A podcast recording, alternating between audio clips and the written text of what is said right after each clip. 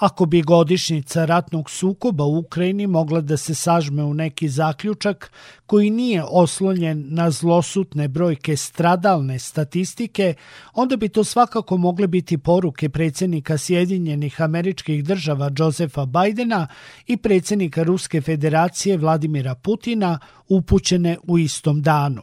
Prvi je u Varšavi poručio pobedit će sloboda, dok je drugi u Moskvi konstatovao da Rusija ne može biti poražena na bojnom polju. Bio je to svojevrsni duel na daljinu, ali nije se radilo o takmičenju u debatnom klubu, već o pitanjima rata i mira, života i smrti. Putin je optužio Kijev, Sjedinjene američke države i ono što smatra arogantnim zapadom da su započeli rat u Ukrajini i kako primećuje, Rusija sada mora da se brani silom. Što više budu stizali dalekometni zapadni sistemi u Ukrajinu, to ćemo dalje morati da odbacimo opasnost od naših granica. To je prirodno.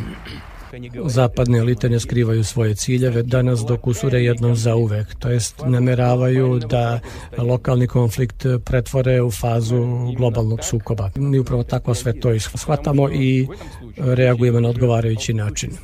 Biden je rekao da se ne može udovoljavati apetitima autokrata, već da im se mora snažno suprotstaviti. Kijev se čvrsto drži. Svetska demokratija je pokazala solidarnost i snagu, u ovom sukobu postaje sve jača, a Putinu ostaju spaljeni tenkovi. Mislio da će doći do razdora u NATO, ali ova organizacija je sad jedinstvenija nego ikada. Putin je danas suočen sa jačim demokratijama. Narod Ukrajine je Putinu jasno rekao ne. Rusija nikad neće pobediti. Amerika ne želi da uništi ili osvoji Rusiju, Zapad ne planira da napadne, ali nećemo prestati da podržavamo Ukrajinu. A ako Rusija udari po bilo kojoj zemlji NATO-a, cela koalicija će uzvratiti. Rat u Ukrajini je po mnogo čemu asimetrični konflikt.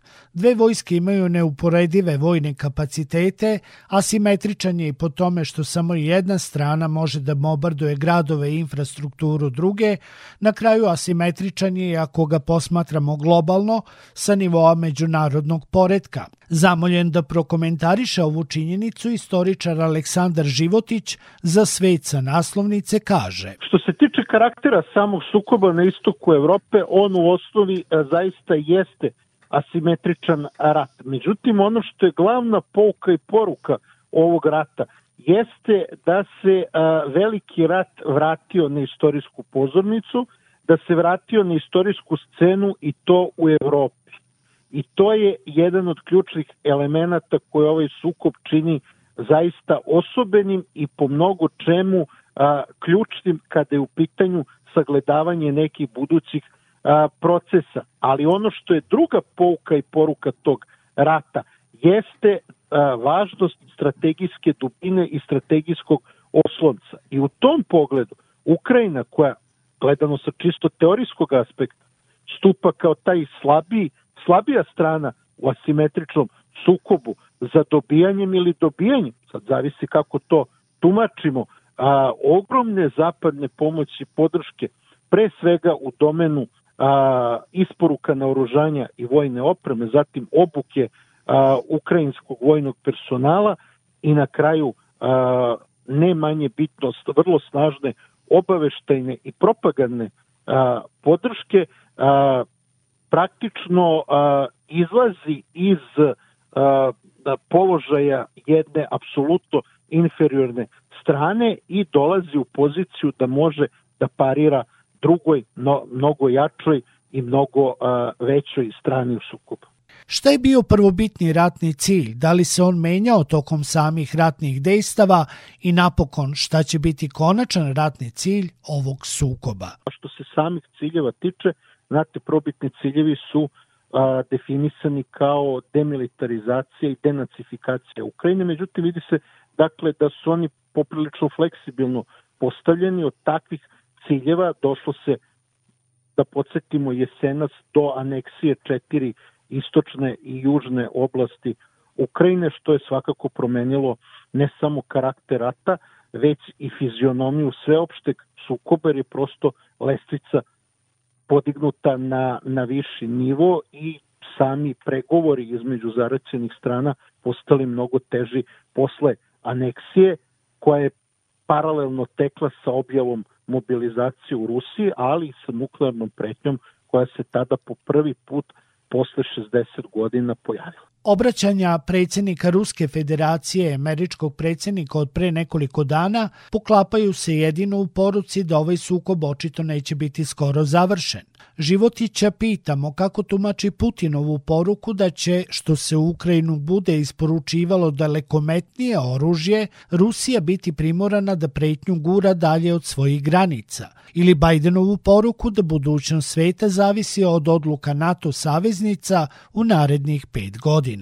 Vidite da od početka sukoba praktično taj ulog u sukobu postaje sve veći i sve ozbiljniji, da taj sukob podrazumeva dakle sada jedno mnogo šire sukobljavanje, dakle ne samo na političkom i vojnom frontu, već i na ekonomskom i na informacionom, u slučaju Ukrajine čak i na identitetskom polju, taj element nikako ne treba zanemariti kada je u pitanju analiza ovog sukoba i to je e, nešto što nam jasno govori o širini i veličini samog e, konflikta, uz to naravno treba dodati još nekoliko elemenata, vidite a, situacija je trenutno takva da ni jedna ni druga strana nisu u poziciji da mogu da pobede na bojnom polju, niti u poziciji da mogu da odustanu. Znate, posle aneksije ove četiri oblasti, a, Rusija nikako ne može da se povuče tek tako iz sukoba, bi to značilo apsolutni poraz. Apsolutni poraz Rusije bi značio pobedu Zapada, a, sa svim onim mogućim reperkusijama na unutrašnjem planu kada je Rusija u pitanju i pazite, a, toga su na ruskoj strani svesni. A, kada a, slušate njihove najznačajnije predstavnike a, i državne vlasti i vojnog vrha, oni su svesni te preti. Jer u slučaju a, poraza to bi značio uvod u velike unutrašnje probleme, pa možda i u raspad Rusije kao vrlo složene države. Na drugoj strani, a, Ukrajina je a, dobila ogromnu zapadnu pomoć, ima uspeha na bojnom polju, naročito u prethodnih 6-7 meseci, a u prvih 6-7 meseci rata je uspela da se održi i da se stabilizuje. Dakle, ona je u takvoj poziciji da je na jednoj strani zavisno od zapadne pomoći, a na drugoj su ipak na konto tih uspeha porasla krila. Tako da ni oni ne mogu lako odustati. Sem toga, Zapad je postavio sa svoje strane crvene linije i jasno je da neće dozvoliti poraz Ukrajine. Ako bi taj poraz bio na vidiku, velika je šansa i velika je mogućnost dakle, da bi se i Zapad najverovatnije direktno uključio taj sukob. Možemo samo da mislimo kakve bi bile posledice po planetu ako bi do toga došlo. Da li je možda Moldavija sve bliže uvlačenju u ovaj suko, pre svega zbog sve evidentnijeg prisustva ukrajinske vojske na granici sa Pridnjestrovljem? Životića ovo pitamo zbog sve učestalijih spekulacija da je Kotvovski garnizon stacioniran u Pridnjestrovlju u kome se nalaze ruski vojnici počeo da se sa borbenom tehnikom premešta prema ukrajinskoj granici – meni se čini, na osnovu ovih relativno oskudih informacija koje dolaze, da je Moldavija jedna od neuralgičnih tačaka, možda i najneuralgičnija tačka u ovom trenutku, gde je sukob svakako veoma moguć. Ako pogledate geografsku kartu, tle vidite da se radi o jednom vrlo uh, uskom prostoru, dakle, to je praktično leva obala Dnjestra, dužine negde otprilike oko 500 km, dubine a, prilično male, koja je neki desetak 12 km, dakle jedna razvučena teritorija, praktično uklještena između Moldavije a, i Ukrajine, u kojoj se nalaze,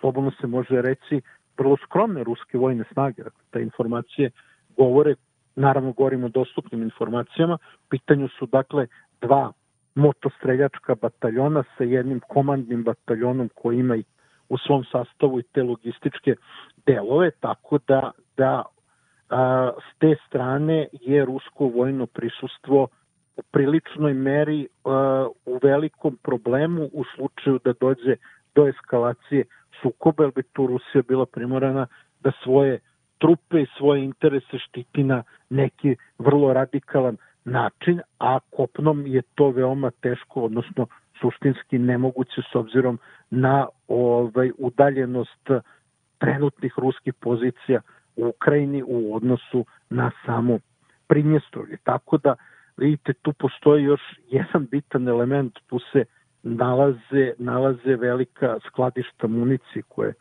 čuvaju ruske snage, tako da da bi tu moglo doći do jedne vrlo opasne situacije i to u relativno kratkom vremenu. Za sam kraj podsjećamo profesora Aleksandra Životića na njegovu analizu objavljenu desetak dana pre izbijanja sukoba u kojoj je tvrdio da će ukoliko dođe do rata, opstanak Ukrajine kao suverene države u sadašnjim granicama biti doveden u pitanje, a Sjedinjene američke države bi rizikovale da na istoku Evrope izgube sve ono što su dobile padom Berlinskog zida. Kakva je situacija godinu dana posle? Pa vidite, a, s obzirom na karakter sukoba, ta dva rizika i dalje postoje. Kao i onaj treći, ako se sećate, koji sam pomenuo, a on se ticao mogućnosti a, prelivanja krize u suštini, a i velikih reperkusija na sam položaj Rusije na međunarodnom planu, ali i na unutrašnja zbivanja u toj zemlji. I danas, evo, godinu dana kasnije, stojim na tom stanovištu da su to tri ogromna rizika na tom prostoru. Znate, kada sam pisao tu analizu, bilo je, bar meni, sasvim jasno da će do sukoba doći. Trebalo je to objasniti, a verujte, nije se to moglo reći i napisati sukob će izbiti i tako dalje. Onda sam se ja odlučio, evo, vama ću to reći, da to što će uslediti gotovo evidentno, kroz tu vrstu antiteze šta bi moglo da se desi, u stvari objasni. I taj tekst suštinski ko želi da pročita, treba da čita na jedan takav način. Zato je u naslovu i ono ne bilo ispred u zagradi da bi se prosto sugerisalo u kom pravcu idu ta razmišljenja. I dok je propagandna mašinerija političkog zapada prezauzeta maštarijama od 200.000 stradalih sa obe strane, ostatak sveta prikuplja znatno uverljivije podatke o stradalima. Tako je turski Hurseda Haber, pozivajući se na podatke Mosada, prikupljene na terenu zaključno sa 14. januarom 2023. objavio. Rusija sa 418.000 vojnika uključenih u borbena dejstva ima sledeće gubitke. 23 aviona, 56 helikoptera, 200 dronova, 889 tenkova i oklopnih vozila, 427 artiljerijskih sistema, 12 sistema PVO, 18.480 poginulih i teško ranjenih, 44.500 lakše ranjenih i 323 zarobljena vojnika. Snage kijevskog režima učestvuju u ovom sukobu sa 734.000 vojnika i neutvrđenim brojem NATO oficira, vojnika i plaćenika. Gubici su sledeći.